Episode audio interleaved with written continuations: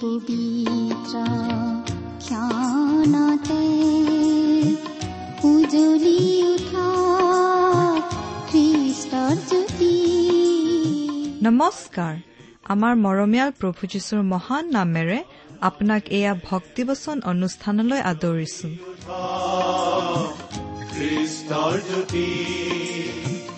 আকাশ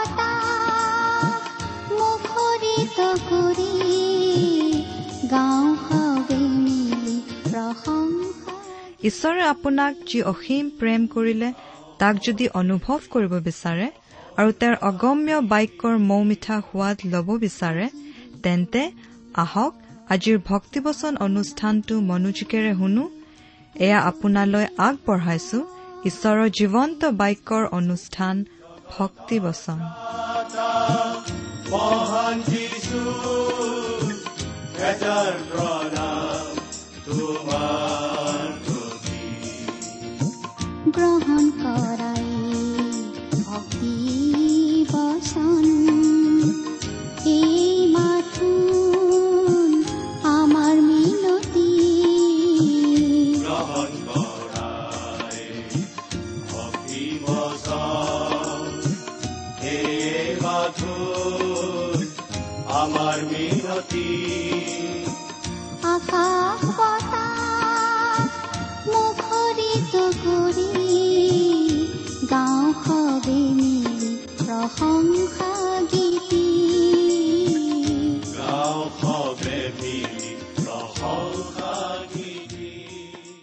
পৰম পবিত্ৰ প্ৰভু যীশুখ্ৰীষ্টৰ নামত নমস্কাৰ প্ৰিয় শ্ৰোতা। এয়া আকৌ আপোনালোকৰ ওচৰলৈ আহিছো। বাইবেল অধ্যয়নৰ অসমীয়া অনুষ্ঠান ভক্তিবচনৰ যোগেৰে। আপোনাৰ ভালনে বাৰু? আশা কৰোঁ আমাৰ মহান পিতা পৰমেশ্বৰৰ মহান অনুগ্ৰহত আপুনি ভালে কুশলে আছে। প্ৰিয় শ্ৰোতা আপুনি আমাৰ এই অনুষ্ঠান নিয়মিতভাৱে শুনি আছেনে বাৰু? অনুষ্ঠান শুনি কেনে পাইছে আমালৈ বাৰু কেতিয়াবা চিঠি লিখি জনাইছেনে? অনুগ্ৰহ কৰি আমালৈ দুষাৰিমান লিখি পঠিয়াবচোন। আমাৰ ঠিকনা। ভক্তিবচন টি ডব্লিউ আৰ ইণ্ডিয়া ডাক বাকচ নম্বৰ সাত শূন্য গুৱাহাটী সাত আঠ এক শূন্য শূন্য এক। ভক্তিবচন T W R India postbox number seventy Guwahati seven eight one zero' zero' one. আমাৰ website W W W dot radio' eight eight two dot com প্ৰিয় শ্ৰোতা আপুনি বাৰু আমাৰ এই ভক্তিবচন অনুষ্ঠানটো নিয়মিতভাৱে শুনি আছেনে? আমি বাৰু বাইবেলৰ কোনখন পুস্তকৰ অধ্যয়ন চলাই আছো? আমি আজি কিছুদিন ধৰি বাইবেলৰ নতুন নিয়ম খণ্ডৰ জোহনৰ প্ৰথম পত্ৰ নামৰ পুস্তকখন অধ্যয়ন কৰি আছো নহয়নে বাৰু? যোৱা অনুষ্ঠানত আমি এই প্ৰথম জোহন পুস্তকৰ পাঁচ নম্বৰ অধ্যায়ৰ তিনি নম্বৰ পদলৈকে পঢ়ি আমাৰ আলোচনা আগবঢ়াইছিলো নহয় জানো? গতিকে আজিৰ অনুষ্ঠানত আমি এই পাঁচ নম্বৰ অধ্যায়ৰ চাৰি নম্বৰ পদৰ পৰা অধ্যয়ন আৰম্ভ কৰিব খুজিছো। আহকচোন আমাৰ আজিৰ অধ্যয়ন আৰম্ভ কৰাৰ আগতে আমাৰ পৰম পিতা পৰমেশ্বৰৰ ওচৰত প্ৰাৰ্থনাত মূৰ্ণত কৰোঁ হওক। হে আমাৰ স্বৰ্গত থকা অসীম দয়ালু পিতৃ ঈশ্বৰ প্ৰভু তোমাৰ গৌৰৱ মহিমা পৰাক্ৰমৰ তুলনা নাই। তুমি সৰ্বজ্ঞানী সৰ্বব্যাপী সৰ্বশক্তিমান ঈশ্বৰ। তোমাৰ প্ৰেম আৰু অনুগ্ৰহতেই আমি ভৰসা কৰি তোমাৰ কাষ চাপিছো। তোমাক বিশেষভাৱে ধন্যবাদ জনাওঁ কাৰণ তুমি তোমাৰ একেজাত পুত্ৰ যীশুখ্ৰীষ্টকে আমালৈ পঠালা যাতে তেওঁত বিশ্বাস কৰি আমি পৰিত্ৰাণ পাব পাৰোঁ অনন্ত জীৱন লাভ কৰিব পাৰোঁ। এতিয়া প্ৰভু আমি বিশেষভাৱে প্ৰাৰ্থনা কৰিছো তুমি আমাক সহায় কৰা যাতে তোমাৰ বাক্যৰ নিগূঢ় তত্ত্ব আমি বুজি পাব পাৰোঁ। এই অনুষ্ঠান শুনি থকা প্ৰতিজন শ্ৰোতাৰ আগত তুমি নিজকে প্ৰকাশ কৰা। তেওঁলোকক তোমাৰ মাত শুনিবলৈ দিয়া। কিয়নো এই প্ৰাৰ্থনা আমাৰ হকে ক্ৰুচত প্ৰাণ দি তৃতীয় দিনা পুনৰ জি উঠা যীশুখ্ৰীষ্টৰ নামত অৰ্পণ কৰিলো।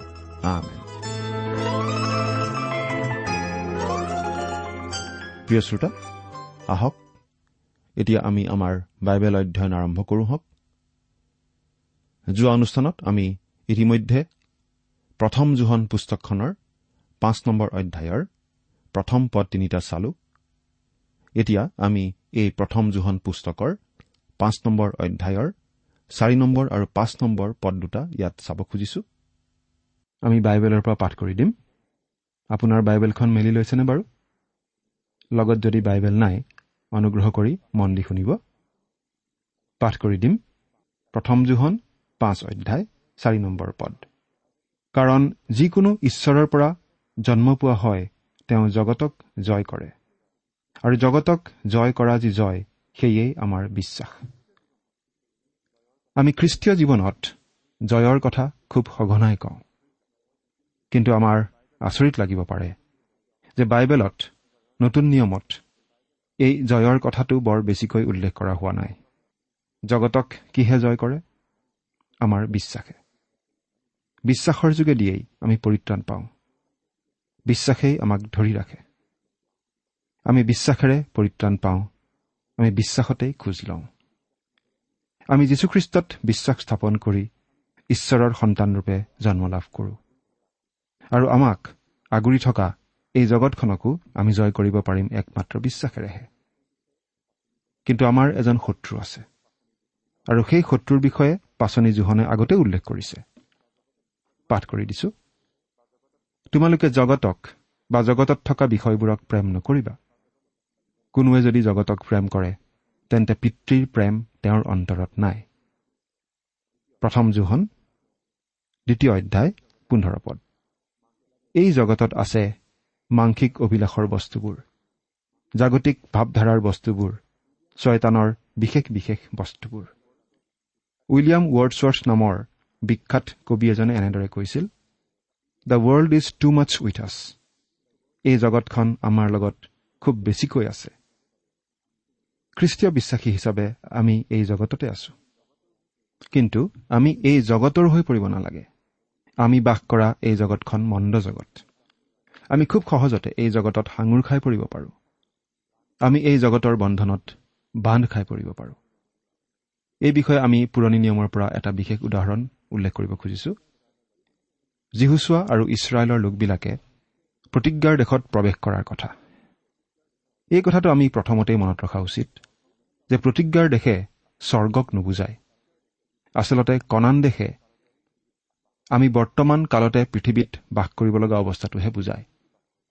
আমি অৰণ্যতো বাস কৰিব পাৰোঁ। আৰু এই কথা সত্য যে বহুতো খ্ৰীষ্টীয় বিশ্বাসীয়ে আজি অৰণ্যতেই বাস কৰি আছে। তেনেকুৱা বিশ্বাসীয়ে একো আনন্দ নাপায়। তেওঁলোকে আনন্দত থকা বুলি হয়তো ভুলকৈ ভাবি থাকিব পাৰে। ইছৰাইলৰ লোকসকলে অৰণ্যৰ মাজেদি যাত্ৰা কৰা যাত্ৰা সহজ নাছিল। কিন্তু প্ৰতিজ্ঞাৰ দেশ কণান দেশ হৈছে আম্মিক আশীৰ্বাদেৰে ভৰা ঠাই। খ্ৰীষ্টীয় বিশ্বাসীসকলে এনে এটা অৱস্থা পাব পাৰে আৰু ঈশ্বৰে খ্ৰীষ্টত আমাক এনেকুৱা এটা অৱস্থা দিবলৈ প্ৰতিজ্ঞা কৰিছে। আৰু বহুতো খ্ৰীষ্টীয় বিশ্বাসীয়ে তেনেকুৱা এটা আশীৰ্বাদপূৰ্ণ অৱস্থা পাইছেও। জিহুচোৱাৰ নেতৃত্বত যেতিয়া ইছৰাইলৰ লোকসকলে প্ৰতিজ্ঞাৰ দেশত প্ৰৱেশ কৰিছিল তেওঁলোকক সুন্দৰভাৱে আদৰণি জনাই সেই দেশ তেওঁলোকক দি দিয়া হোৱা নাছিল। আজি আমাৰ বাবেও যি আম্মিক আশীৰ্বাদে ভৰা জীৱন ৰাখি থোৱা হৈছে তাক পাবলৈ হলেও আমি এখন আম্মিক যুঁজত ভাগ ল'ব লাগিব। শত্ৰুৱে সেই ঠাই দখল কৰি আছে আৰু আমাক এনেই সেই ঠাই শত্ৰুৱে এৰি নিদিয়ে। আম্মিক যুঁজ নকৰাকৈ আমি সেই জয়যুক্ত অৱস্থাটো লাভ কৰিব নোৱাৰো। যীহুচুৱাই কণান দেশত প্ৰৱেশ কৰোঁতে তিনি ধৰণৰ শত্ৰুৰ সন্মুখীন হ'ব লগা হৈছিল।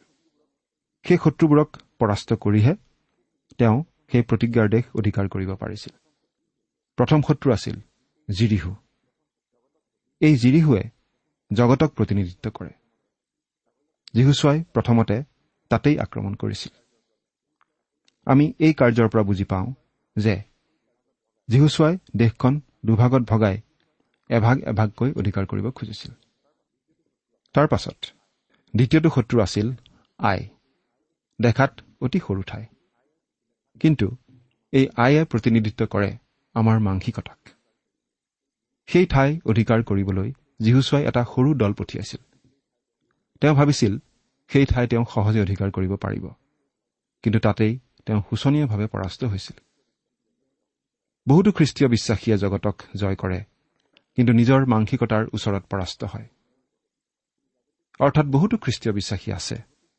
তেওঁলোকে কোনো জাগতিক কাম কাজত লিপ্ত নহয়। দেখাত অতি শুদ্ধ সিদ্ধ ধাৰ্মিক। কিন্তু তেওঁলোক গীৰ্জালৈ যায় আৰু পৰচৰ্চাত ভাগ লয়। তেওঁলোকে মাংসিকতাত ভাগ লয়। তেওঁলোকে জিৰিহুৰ চাৰিওফালে শিঙা বজায় ঠিকেই। কিন্তু আইৰ চাৰিওফালে শিঙা বজাব নোৱাৰে। আৰু যীহুচোৱাৰ তৃতীয়টো শত্ৰু আছিল গিবিয়নীয়াবিলাক। এই গিবিয়নীয়াবোৰে প্ৰতিনিধিত্ব কৰে ছয়তানক। এই গিবিয়নীয়াবোৰে যীহুচোৱাক প্ৰতাৰণা কৰিছিল। ছয়তান আদিৰে পৰাই মিছলীয়া। ছয়তানে এতিয়াও মিছা কথা কয় আৰু চতুৰালিৰে কাম কৰে। আমি আকৌ চাৰি নম্বৰ পদটোলৈ ঘূৰি যাওঁ হওক। এই পদটো আমি জিৰিহুৰ প্ৰসংগত চাওঁ হওক। কাৰণ যিকোনোৱে ঈশ্বৰৰ পৰা জন্ম পোৱা হয় তেওঁ জগতক জয় কৰে। আৰু জগতক জয় কৰা যি জয় সেয়ে আমাৰ বিশ্বাস। প্ৰিয় শ্ৰোতা যদিহে আপুনি ঈশ্বৰৰ সন্তান আপুনি জগতক জয় কৰিবই। সেই জয়লাভ আপুনি কেনেকৈ পাব? আৰু জগতক জয় কৰা যি জয় সেয়ে আমাৰ বিশ্বাস। যুদ্ধ কৰি নহয় কিন্তু বিশ্বাসেৰে। জীহুচোৱাৰ লগৰীয়াবিলাকে জীহুচোৱাৰ সৈতে জিৰিহু কেনেকৈ জয় কৰিছিল? তেওঁলোকৰ সন্মুখত আছিল সেই জিৰিহু শত্ৰুৰ নগৰ আৰু তেওঁলোকে সেই নগৰ জয় কৰিব লাগে।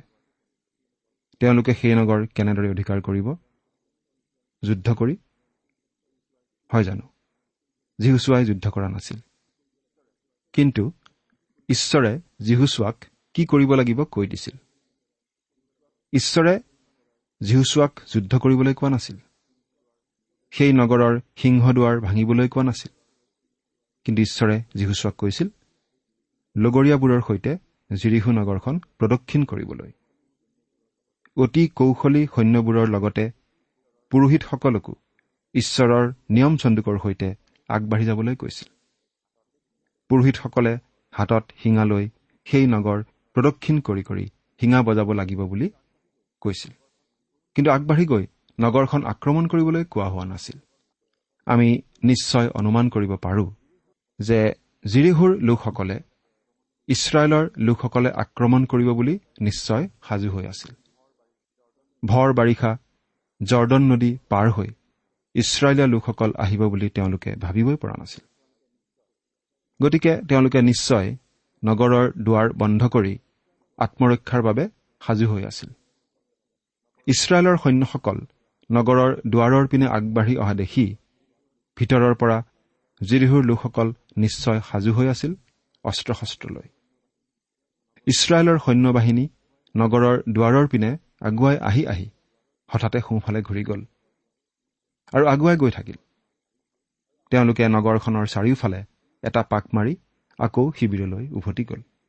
সেইদিনা জিৰিহুৰ সেনাধ্যক্ষবিলাকৰ নিশ্চয় সভা বহিল আৰু ইছৰাইলৰ লোকবিলাকেনো কি কৌশল খটুৱাব খুজিছে সেই বিষয়ে নানা ধৰণৰ জল্পনা কল্পনা চলিবলৈ ধৰিলে। তেওঁলোকেও নিশ্চয় প্ৰতি আক্ৰমণৰ বাবে কিবা আঁচনি প্ৰস্তুত কৰি সাজু হৈ থাকিল। পিছদিনা আকৌ দুৱাৰত থকা প্ৰহৰীয়ে চিঞৰি কলে সিহঁত আকৌ আহিছে? ইছৰাইলীয়া লোকবোৰে নগৰৰ দুৱাৰ ভাঙি সোমাই আহিলে যুদ্ধ কৰিবলৈ জিৰিহুৰ সৈন্যবোৰ নিশ্চয় সাজু হৈ থাকিল। বহুতো সৈন্য কিজানি ওচৰ চাপি অহা সৈন্যৰ গাত গৰম পানী বা গৰম তেল ঢালি দিবলৈ নাইবা কাঁড় মাৰিবলৈ সাজু হৈ থাকিল। কিন্তু ইছৰাইলীয় সৈন্যবোৰ সোমাই আহিবলৈ চেষ্টা নকৰিলে। তেওঁলোকে মাত্ৰ নগৰখনৰ চাৰিওফালে খোজ কাঢ়িবলৈ ধৰিলে। তেওঁলোকে এনেদৰে ছয়দিন কটালে। সেই ছয়দিনত জিৰিহুৰ ভিতৰত থকা সৈন্যবোৰ নিশ্চয় পাগল হোৱাৰ নিচিনা হৈছিল। তেওঁলোকে একো বুজিব পৰা নাছিল। সপ্তম দিনাও ইছৰাইলীয়া লোকবিলাকে নগৰৰ চাৰিওপিনে পাক মাৰিব ধৰা দেখি নিশ্চয় জিৰিহুৰ সেনাধ্যক্ষবোৰে মন্তব্য কৰিছিল। একো চিন্তা কৰিব নালাগে। এই ইছৰাইলীয়া লোকবিলাকে আমাৰ নগৰ আক্ৰমণ নকৰে। তেওঁলোকে কিবা বেলেগ কামহে কৰিব ধৰিছে। কিবা আচৰিত হাঁহি উঠা কামহে কৰিব ধৰিছে। এনেকৈনো যুদ্ধ কৰেনে? এৰা জগতৰ দৃষ্টিত ইছৰাইলৰ লোকসকলে অতিশয় হাঁহি উঠা কামহে কৰি আছিল। জাগতিক দৃষ্টিত তেওঁলোকে বৰ হাঁহি উঠা কামেই কৰি আছিল। তেওঁলোকে আচহুৱা ধৰণৰ কাম কৰিছিল বুলি আমি মানিবই লাগিব। এনেদৰে ইছৰাইলৰ লোকসকলে জিৰিহু নগৰখন সাতবাৰ প্ৰদক্ষিণ কৰিলে। আৰু তাৰ পাছত কি হ'ল? পুৰোহিতসকলে শিঙা বজাব ধৰিলে। মানুহবোৰে চিঞৰিব ধৰিলে আৰু জিৰিহুৰ দেৱালবোৰ ভাঙি খহি পৰিব ধৰিলে। নগৰৰ চাৰিওফালে নিশ্চয় ইছৰাইলৰ লোকবিলাকে আগুৰি আছিল আৰু নগৰৰ দেৱালখন খহি পৰাত ভিতৰত থকা সৈন্য সামন্তবোৰ অতি আচৰিত হৈ তবধ মানিছিল। আৰু ইছৰাইলৰ লোকসকলে অতি সহজেই জিৰিহু নগৰ অধিকাৰ কৰি ল'বলৈ সক্ষম হৈছিল। ইছৰাইলৰ লোকসকলে জিৰিহু নগৰ কেনেকৈ জয় কৰিলে? যুদ্ধ কৰি নেকি? তেওঁলোকে যুদ্ধ কৰিব লগা হোৱা নাছিল। তেওঁলোকে যীহুচোৱাৰ আদেশমতে নহয় কিন্তু অদৃশ্য সেনাপতিৰ আদেশ অনুসৰি জিৰিহু নগৰ প্ৰদক্ষিণ কৰি গৈছিল। যীহুচোৱা এজন পৰাক্ৰমী বীৰ আছিল। তেওঁ শুনিপোন যুঁজাৰু আছিল। কিন্তু তথাপিনো তেওঁলোকে এনে আচৰিত ধৰণৰ কাম কৰিছিল কিয়? ভাবিলে আমাৰ আচৰিত লাগে। ঈশ্বৰে এই কামটো কৰিবলৈ আদেশ দিছিল বুলিও আমি জানো। কিন্তু যীহুচুৱাই এনেকুৱা এটা আচুহোৱা কাম কৰিবলৈ যে মান্তি হৈছিল সেইটোহে বিশেষভাৱে মন কৰিব লগা কথা। ইয়াৰ আগে আগে এটা ঘটনা ঘটিছিল। ইছৰাইলৰ সৈন্যৰ শিবিৰৰ দাঁতিত খোলা তৰোৱাল লৈ থিয় হৈ থকা ব্যক্তিজন দেখি জিহুৱাই সুধিছিল আপুনি আমাৰ সপক্ষে নে আমাৰ বিৰুদ্ধে? সেই বিষয়ে আমি পঢ়িবলৈ পাওঁ যীহুচোৱা পাঁচ অধ্যায় তেৰৰ পৰা পোন্ধৰ পদত। কিন্তু সেই ব্যক্তিজনে উভতি চাওঁতে যীহুচোৱাই বুজি পালে যে তেওঁ আচলতে মানুহ নহয় ঈশ্বৰৰ দূত। আমি ভাবো তেওঁ আছিল প্ৰভু যীশুখ্ৰীষ্ট। তেতিয়া যীহুচোৱাই তেওঁৰ আগত পৰি প্ৰণাম জনালে। গতিকে এই জিৰিহুৰ যুদ্ধৰ আগতে যীহুচোৱাই এই কথা মানি ললে যে আচলতে তেওঁ সেনাপতি নহয় কিন্তু ঈশ্বৰহে আচল নায়ক ঈশ্বৰহে সেই স্বৰ্গীয় ব্যক্তিজনে নিজকে এনেদৰে চিনাকি দিছিল। তাতে তেওঁ কলে নহয় মই জিহুৱাৰ বাহিনীবিলাকৰে সেনাপতি হৈ আহিলো। তেতিয়া জিহুচোৱাই মাটিলৈ মূৰ কৈ পৰি প্ৰণিপাত কৰি তেওঁক কলে মোৰ প্ৰভুৱে আপোনাৰ দাসক কি আজ্ঞা দিয়ে? জিহুচোৱা পাঁচ অধ্যায় চৈধ্য পদ। অৰ্থাৎ প্ৰভুৱে যীহুচোৱাক কৈছিল তুমি এই যি যুদ্ধ কৰিব ধৰিছা এই যুদ্ধখন আত্মিক যুদ্ধ লগতে শাৰীৰিক যুদ্ধও আৰু সেনাপতি আচলতে মইহে। গতিকে সেনাপতি যীহুচোৱাই আচল সেনাপতি বাহিনীবিলাকৰ ঈশ্বৰ জিহুৱাৰ পৰা আদেশ ল'বলৈ সাজু হৈছিল। আৰু ঈশ্বৰে এই আদেশ দিছিল নগৰখন প্ৰদক্ষিণ কৰা। গতিকে যীহুচোৱাই যি কাম কৰিছিল সেইটো বুজি পোৱাত আমাৰ একো অসুবিধা নহয়। দেখাত যদিও কামটো হাঁহি উঠা যেন আছিল তথাপি যীহুচোৱাই সেই কাম কৰিছিল কাৰণ সেয়া আছিল ঈশ্বৰৰ আদেশ। সৈন্য বাহিনীত কাম কৰা মানুহে জানে যে সৈন্য এজনে সদায় নায়কজনৰ আদেশ মানিব লাগে। যি কয় তাকেই মানিব লাগে। ওলোটাই প্ৰশ্ন কৰিব নোৱাৰে। দেখাত মূৰ্খামী যেন লাগিলেও আদেশ মানিবই লাগিব। জীহুচুৱায়ো আদেশ পালন কৰি গৈছিল। তেওঁ বাধ্যতা প্ৰদৰ্শন কৰিছিল। তেওঁ নায়ক অৰ্থাৎ ঈশ্বৰক বিশ্বাস কৰিছিল। আমি ইব্ৰী পুস্তক পঢ়োঁতে এনেদৰে পঢ়িবলৈ পাইছিলো বিশ্বাসৰ গুণে সাতদিন জিৰিহুৰ গড় প্ৰদক্ষিণ কৰিলত সেই গড়বোৰ পৰিল। ইব্ৰী এঘাৰ অধ্যায় ত্ৰিশ পদ। যুদ্ধৰ দ্বাৰা নাইবা সামৰিক শক্তিৰ দ্বাৰা নহয় কিন্তু বিশ্বাসৰ শক্তিতহে জিৰিহু নগৰৰ দেৱাল ভাঙি পৰিছিল। আজি বাৰু আমাৰ বাবে ইয়াত কি শিকিবলগীয়া কথা আছে? আমি যুদ্ধ কৰি এই জগতৰ ওপৰত জয় সাব্যস্ত কৰিব নোৱাৰো। সেইবাবে আমি দেখিবলৈ পাওঁ যে মানুহৰ চেষ্টাৰে কেতিয়াও মণ্ডলীত পুনৰ জাগৰণ নাহে। মানুহে নিশ্চয় চেষ্টা কৰে ভাল কাম কৰিবলৈ। বহুতো ভাল ভাল আঁচনি মানুহে কৰে। কিন্তু ঈশ্বৰৰ শক্তিতহে সকলো সম্ভৱ। আমি নিজে যুঁজ বাগৰ কৰি জগতক পৰাস্ত কৰিব নোৱাৰো। এজন বিখ্যাত বাইবেল শিক্ষকে তেওঁৰ ব্যক্তিগত অভিজ্ঞতা এটাৰ বিষয়ে এনেদৰে কৈছিল মই এখন ঠাইৰ মণ্ডলীত পালকৰ কাম কৰি আছিলো। সেই ঠাইখন পৃথিৱীৰ ভিতৰতে কুখ্যাত ঠাই। নানা ধৰণৰ অপকৰ্মৰ ঘাটি আছিল সেই ঠাইখন। এজন বিখ্যাত অভিনেতাই খ্ৰীষ্টক গ্ৰহণ কৰাৰ পাছত সেই ঠাইখনৰ সমাজ সংস্কাৰ কৰিবলৈ আঁচনি কৰিলে। তেওঁ আহি মোক ক'লে আপুনিও আমাৰ কমিটিত থাকিব লাগে। মই ক'লো নাই মই কমিটিত থাকিব নোৱাৰিম। তেওঁ আচৰিত হৈ সুধিলে কিয়? আপুনিতো ঈশ্বৰৰ পৰিচাৰক। এনেকুৱা ভাল কাম এটাত আপোনাৰ সমৰ্থন নাই জানো? মই ক'লো মোৰ সমৰ্থন নাই বুলিতো মই কোৱা নাই। কিন্তু মই কমিটিত থাকিব নোৱাৰো। মোক প্ৰভুৱে মাছৰ পুখুৰীত মাছ ধৰিবলৈহে কৈছে। কিন্তু পুখুৰীটো পৰিষ্কাৰ কৰিবলৈ কোৱা নাই। মোৰ কাম হৈছে মাছ ধৰা ঈশ্বৰৰ বাক্য বিলোৱাৰ যোগেদি। মই সেই পৰিষ্কাৰ কৰা কামটো ঈশ্বৰৰ আত্মাকেই কৰিবলৈ এৰি দিওঁ। তেওঁহে সেইটো কাম কৰিব পাৰে বুলি মই বিশ্বাস কৰোঁ। মই সেই কাম কৰিব নোৱাৰোঁ বুলি জানো। মোৰ কথা শুনি সেই অভিনেতাজনে ভাল নাপালে। তথাপি তেওঁ মোৰ কথা গ্ৰহণ নকৰিও উপায় নাছিল। মই সংস্কাৰমূলক কামত সাধাৰণতেই জড়িত নহওঁ। আচলতে সেই কাম ঈশ্বৰেহে কৰিব পাৰে। মোৰ কাম হৈছে সেই ঈশ্বৰৰ বাক্য বিলাই দিয়া। প্ৰভু যীশুখ্ৰীষ্টৰ শুভবাৰ্তা বিলাই দিয়া। প্ৰিয় শ্ৰোতা যীহুচোৱাৰ হাতত বিশাল সৈন্যবাহিনী আছিল। কিন্তু তেওঁৰ কাম যুদ্ধ কৰাটো নাছিল।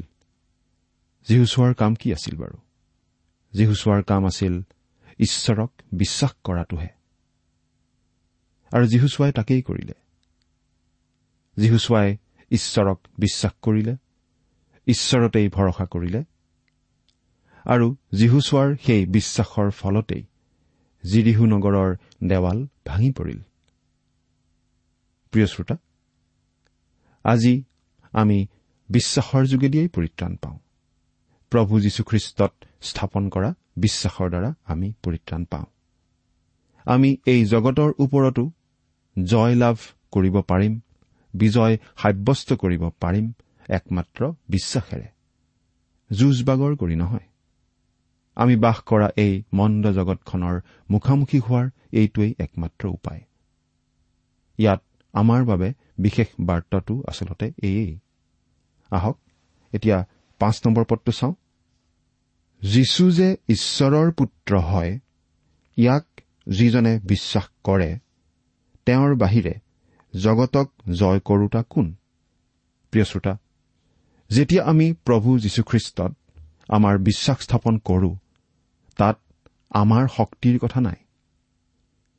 আমাক ঈশ্বৰৰ শক্তিয়েহে ধৰি ৰাখে আমাৰ বিশ্বাসৰ যোগেদি।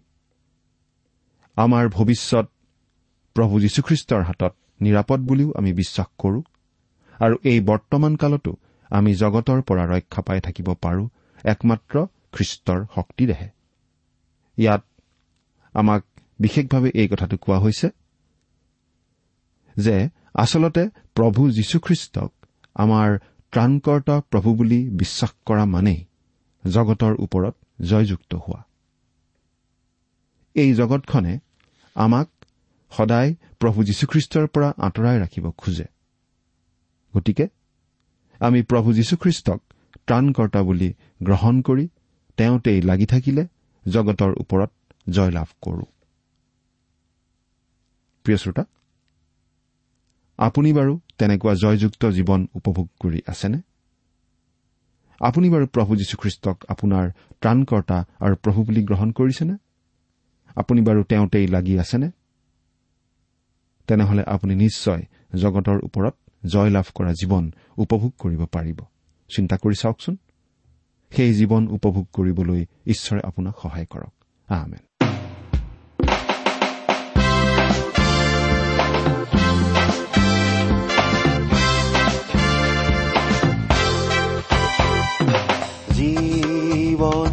যদি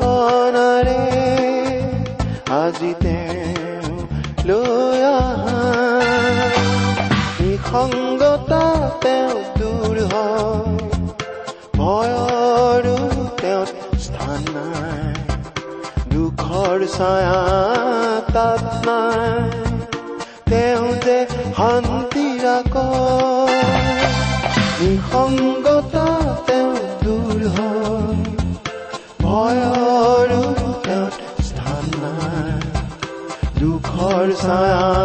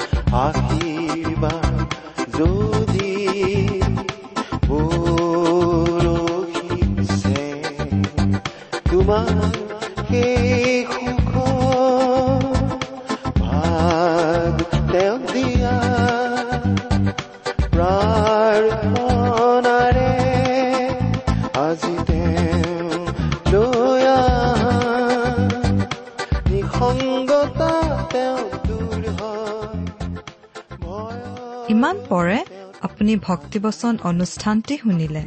এই বিষয়ে আপোনাৰ মতামত জানিবলৈ পালে আমি নথৈ আনন্দিত হ'ম। আমি প্ৰস্তুত কৰা বাইবেল অধ্যয়নৰ আন চিডিসমূহ পাব বিচাৰিলেও আমালৈ লিখক। অনুষ্ঠানটি শুনি কেনে পালে আমালৈ চিঠি লিখি জনাবচোন? অনুষ্ঠানত প্ৰচাৰ কৰা কোনো কথা বুজিব লগা থাকিলেও আমালৈ লিখক। আমাৰ ঠিকনা?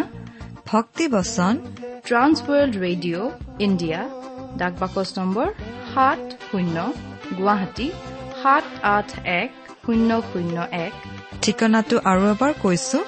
ভক্তিবচন ট্ৰান্স ৱৰ্ল্ড ৰেডিঅ' ইণ্ডিয়া ডাক বাকচ নম্বৰ সাত শূন্য গুৱাহাটী সাত আঠ এক শূন্য শূন্য এক। আমাৰ ইমেইল এড্ৰেছটো হৈছে S M T T P at the rate radio' eight eight two dot com. আমাৰ website W W W dot T W R dot in. আপুনি টেলিফোনৰ মাধ্যমেৰেও আমাক যোগাযোগ কৰিব পাৰে। আমাৰ টেলিফোন নম্বৰটো হৈছে শূন্য তিনি ছয় এক দুই ছয় শূন্য চাৰি ছয় সাত এক। ফোন নম্বৰটো আকৌ এবাৰ কৈছো zero' three six one two six zero' four six seven one. আজিৰ অনুষ্ঠানটি ইমানতে সামৰিছো। ঈশ্বৰৰ শান্তি আৰু অনুগ্ৰহ আপোনাৰ লগত থাকক। ধন্যবাদ।